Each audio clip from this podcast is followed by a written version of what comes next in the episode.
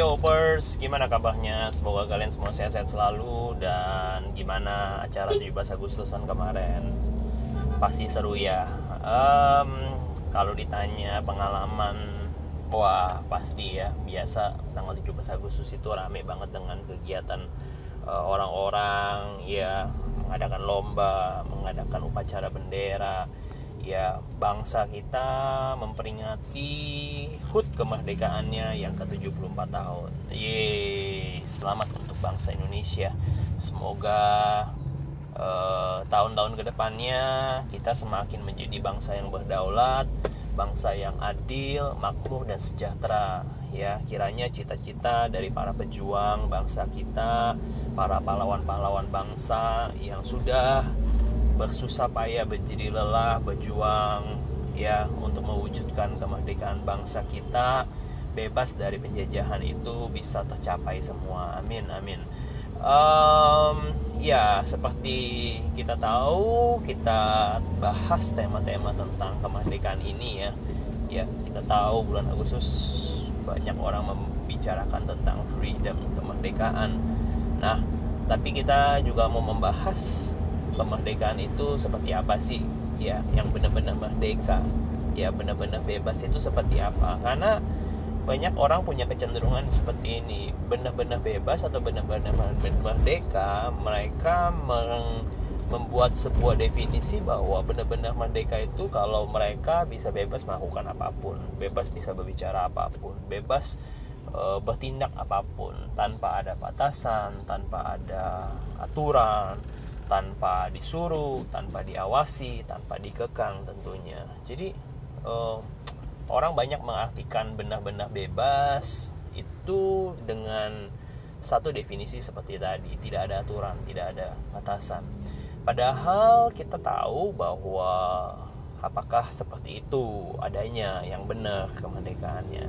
Ternyata contoh ini juga pernah dikisahkan di dalam Alkitab ya di dalam Bible. Kalau kita pernah membaca Alkitab di dalam yang diambil dari Lukas pasalnya yang ke-15 ayat 11 sampai ayat yang ke-13 dan 14 kita bisa di sana ada sebuah cerita perumpamaan yang diceritakan oleh Tuhan Yesus mengenai ada seorang bapak yang punya dua orang anak si sulung dan si bungsu dan diceritakan di sana si bungsu itu meminta harta warisan kepada bapaknya ya si bungsu minta harta warisan minta bagiannya padahal bapaknya belum mati pada saat itu belum meninggal. Tapi dia minta dahulu ya minta dibagi. Dan sehingga cerita bapaknya ini baik bapaknya membagikan hartanya kemudian si bungsu dengan cepat menjual hartanya kemudian dia pindah ke sebuah negeri ya. Dia habiskan semua uangnya dia pakai dengan foya-foya Artinya apa? Anak bungsu ini tidak mau dikekang, tidak mau lagi dibatasi, tidak mau lagi yang namanya uh, apa ya? dibatasin, dikekang, dikendalikan, dikontrol ya. Uh, apa-apa menurut bapaknya, minta izin dulu sama bapaknya. Jadi dia mau bebas sebebas-bebasnya. Ya. Ya dia merasa bahwa dia bisa menghandle atau bisa menaklukkan kebebasan.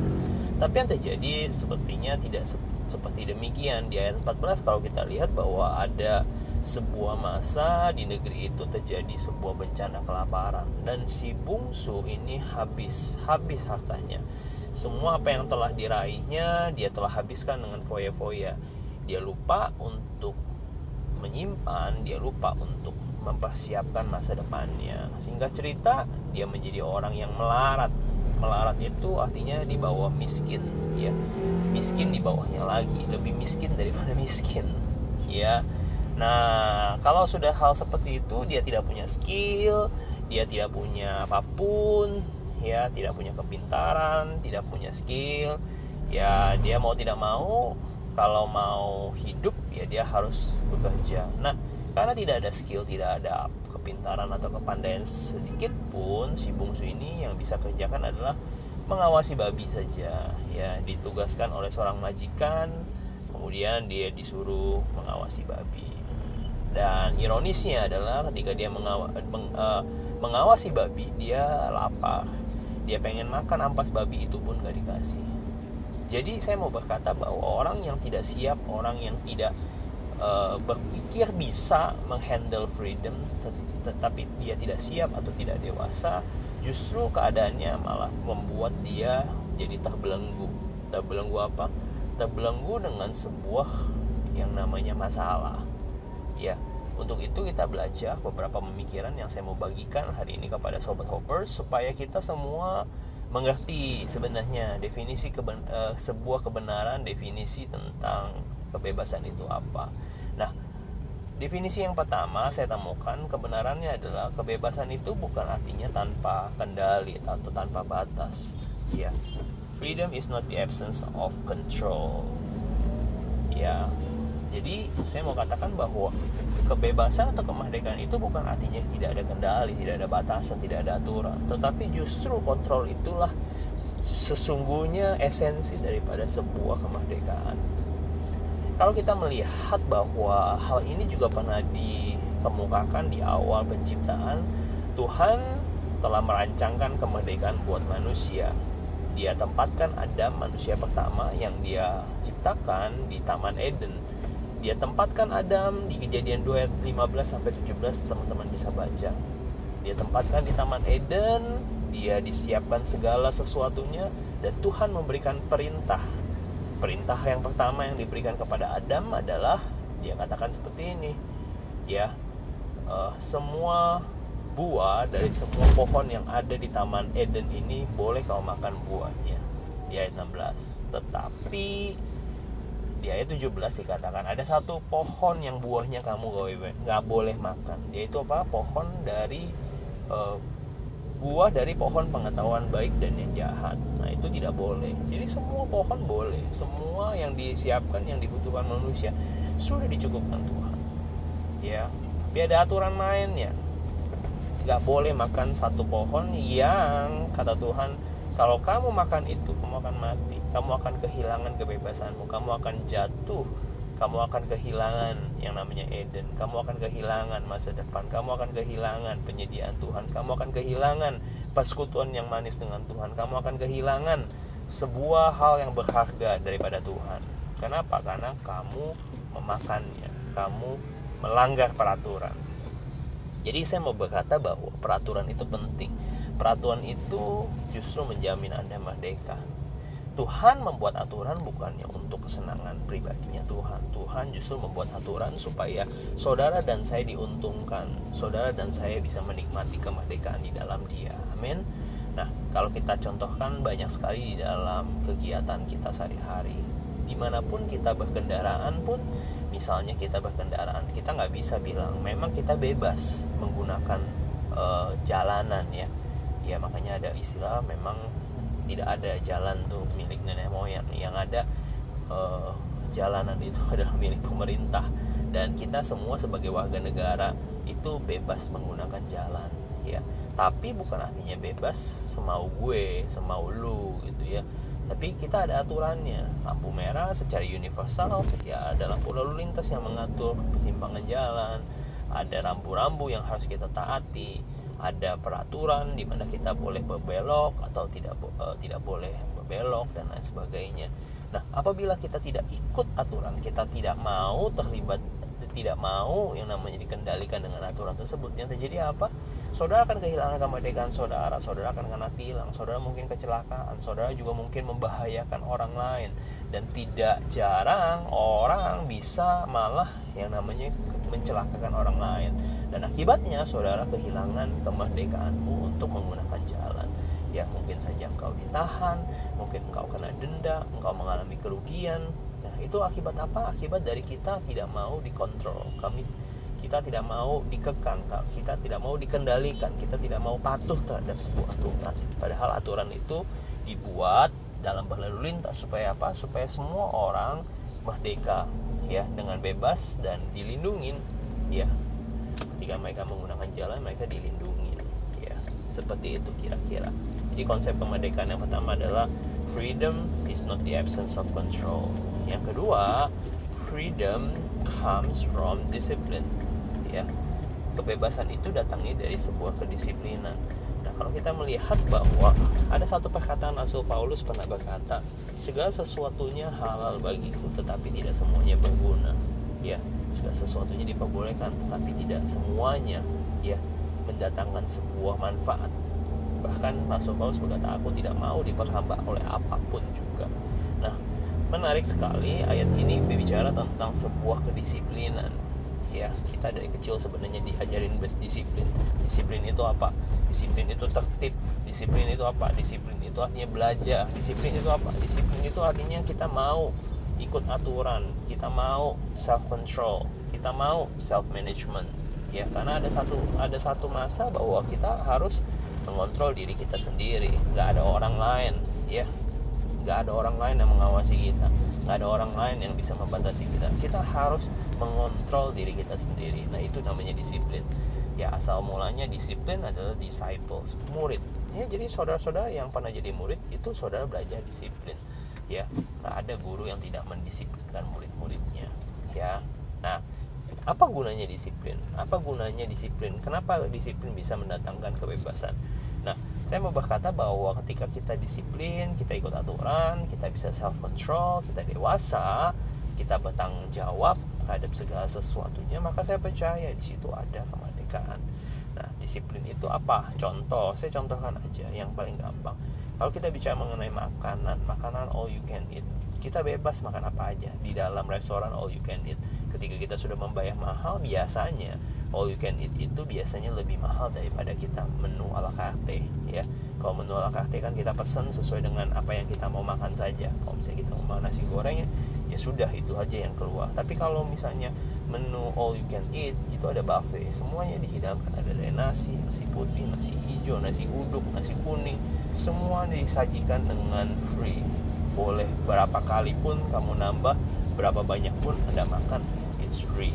Nah orang kalau tidak ada pengendalian diri maka yang terjadi adalah dia makan sebebas-bebasnya.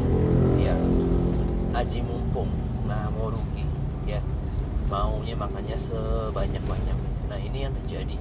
Nah kalau kita tidak bisa self discipline ourselves maka terjadi adalah kita kalau kita banyak makan all you can eat kita malah bukannya enak tapi begah. Satu. Yang kedua ketika kalau makannya asal asal asalan bebas bebasan yang terjadi apa? Kita sakit. Nah bukannya kita menikmati kemerdekaan kita sehat kita baik kita menikmati kita diberkati tapi kita justru malah jatuh dalam sakit. Nah ini ya sesuatu hal yang tidak baik. Maka daripada itu kita perlu untuk mendisiplinkan diri kita sendiri. Makanan apa yang perlu kita makan? Kalau all you can eat kalau kita mau makan semuanya makan sedikit-sedikit icipin sedikit-sedikit. Gak perlu nyendok banyak-banyak gak perlu berlebihan. Dan yang kita tahu adalah kalau kita makan terlalu mengambil terlalu banyak kalau kita nggak habis malah kita yang disiksa. Disiksa apa? Disiksa harus ngabisin karena kita nggak mau membayar lebih nggak mau membayar denda.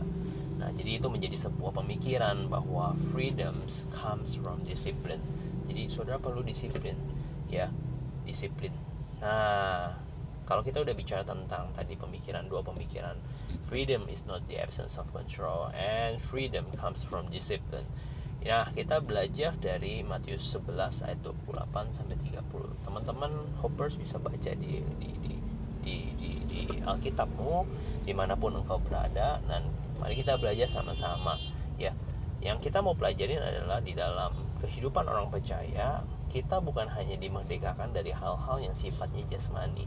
Kalau orang di luar sana ketika mereka belajar dari buku dari literatur mereka juga akan menemukan bahwa mereka bisa menikmati itu semua ya orang di luar sana juga bisa menikmati all you can orang di luar sana juga bisa menikmati namanya jalan raya. Nggak perlu orang harus menjadi orang yang percaya.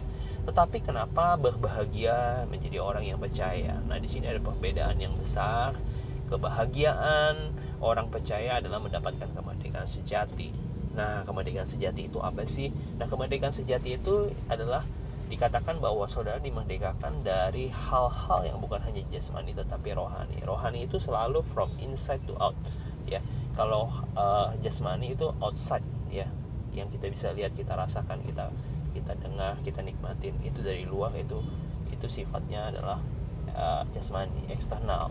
tapi kalau misalnya kita bicara tentang rohani itu from the inside ya bagaimana caranya kita dimerdekakan dari dosa? Bagaimana kita dimerdekakan dari kutuk? Bagaimana kita dimerdekakan dari rasa kekhawatiran? Bagaimana kita dimerdekakan dari rasa benci sakit hati dendam ya disakiti ya tertolak? Itu adalah hal-hal yang datangnya dari dalam. Nggak bisa difikskan dari sesuatu yang terlihat ya karena itu datangnya dari dalam oleh karena itu mari kita baca di dalam Matius 11 ayat 28 sampai 30 ada tiga kebenaran penting yang saya mau bagikan kepada saudara. Bagaimana saudara sebagai orang percaya mengalami benar-benar merdeka? Yang pertama Matius 11 ayat 28 tertulis seperti ini. Marilah kepadaku hai kamu yang letih lesu dan beban berat. Aku akan memberikan kelegaan ini ada sebuah kata-kata atau perkataan Tuhan Yesus yang luar biasa. Dia mengundang ke setiap orang-orang yang punya uh, keletihan beban ya yang menghimpit di dalam kehidupannya. Nah dikatakan bahwa dia mengundang ini ada sebuah undangan. Dan hal yang pertama yang kita pelajarin bahwa bagaimana orang percaya untuk menerima hal atau uh, kondisi benar-benar merdeka benar-benar bebas. Yang pertama adalah kenali dulu sumber daripada kemerdekaan sejati. Sama-sama katakan kenali sumbernya. Ya kenali sumbernya. Nah sumber daripada kemerdekaan sejati adalah Tuhan Yesus Kristus sendiri. Ya jadi kalau kita mau benar-benar merdeka kita diampuni kita bebas dari tuduhan kita bebas dari rasa intimidasi kita bebas dari perasaan bersalah kita bebas dari perasaan khawatir gelisah ya. Kita sepertinya tidak punya pengharapan. Kita bebas dari itu semua kalau kita ketemu dengan sumbernya yaitu siapa? Yaitu Tuhan Yesus Kristus maaf.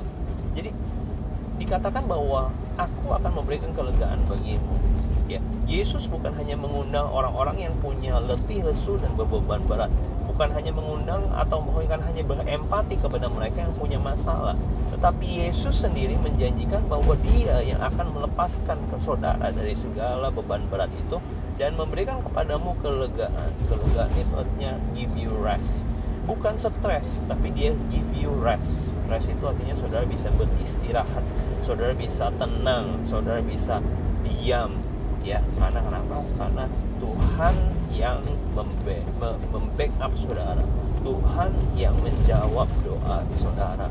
Dia memberkati engkau dengan cara yang ajaib yang tidak pernah terpikirkan olehmu yang tidak pernah engkau lihat dengan mata yang tidak pernah engkau dengar. Itu semua dia sediakan bagimu. Haleluya haleluya. Oleh karena itu kenali sumbernya ya.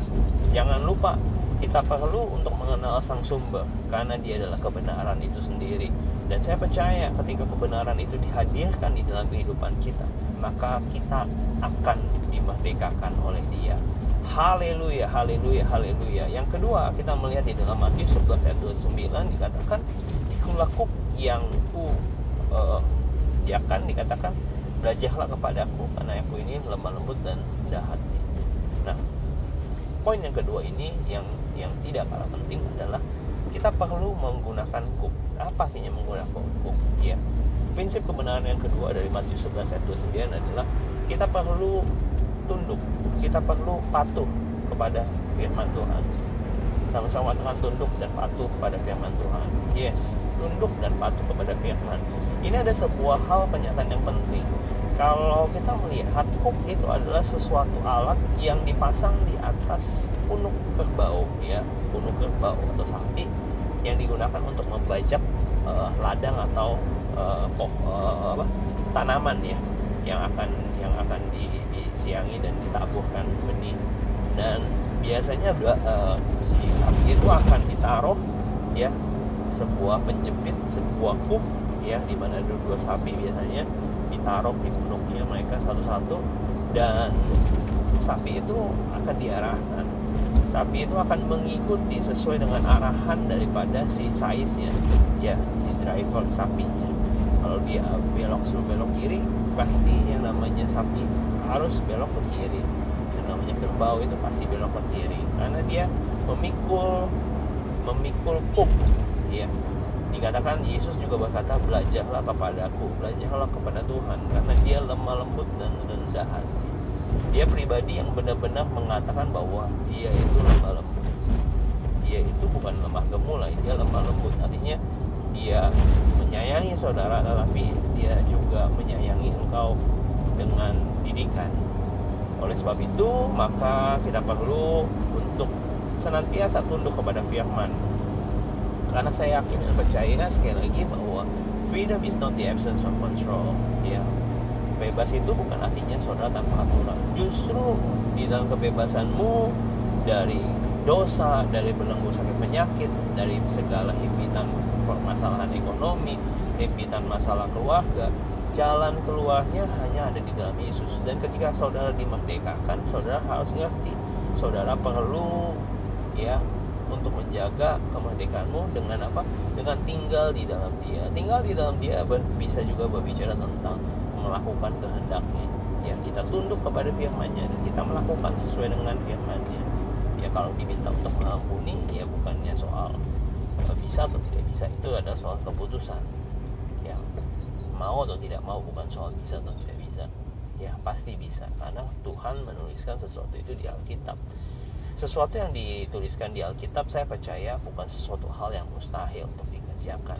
Ya jadi sekali lagi bahwa uh, kita perlu untuk tunduk kepada firman Tuhan. Kita perlu tunduk kepada otoritas kebenaran ya. Karena dengan tunduk kepada otoritas kebenaran saya percaya saudara akan merdeka. Dalam nama Tuhan Yesus. Amin amin amin. Nah yang ketiga yang terakhir di Matius 11 ayat 30 dikatakan di situ juga sebab kuku, kuku pun enak dan ringan ya jiwamu mendapatkan ketenangan. Dan kalau kita melihat yang ketiga ini adalah masih bicara tentang hukum tapi poin yang ketiga ini supaya saudara benar-benar mengalami yang namanya kemerdekaan benar-benar merdeka, benar-benar bebas bukan artinya tanpa aturan. Ya sekali lagi yang saya mau jelaskan bahwa bukan artinya merdeka itu tanpa aturan.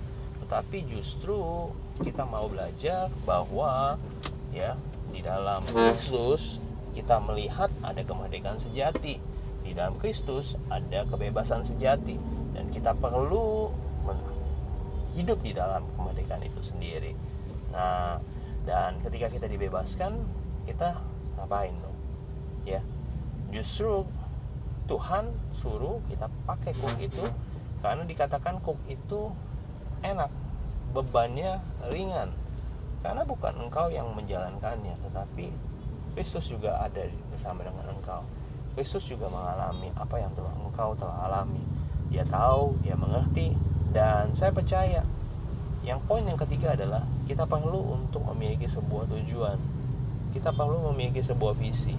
Ya, ketika kita dimerdekakan kita perlu tahu bahwa Tuhan itu mengasihi kita. Tuhan mau kita hari demi hari kita menjadi lebih baik.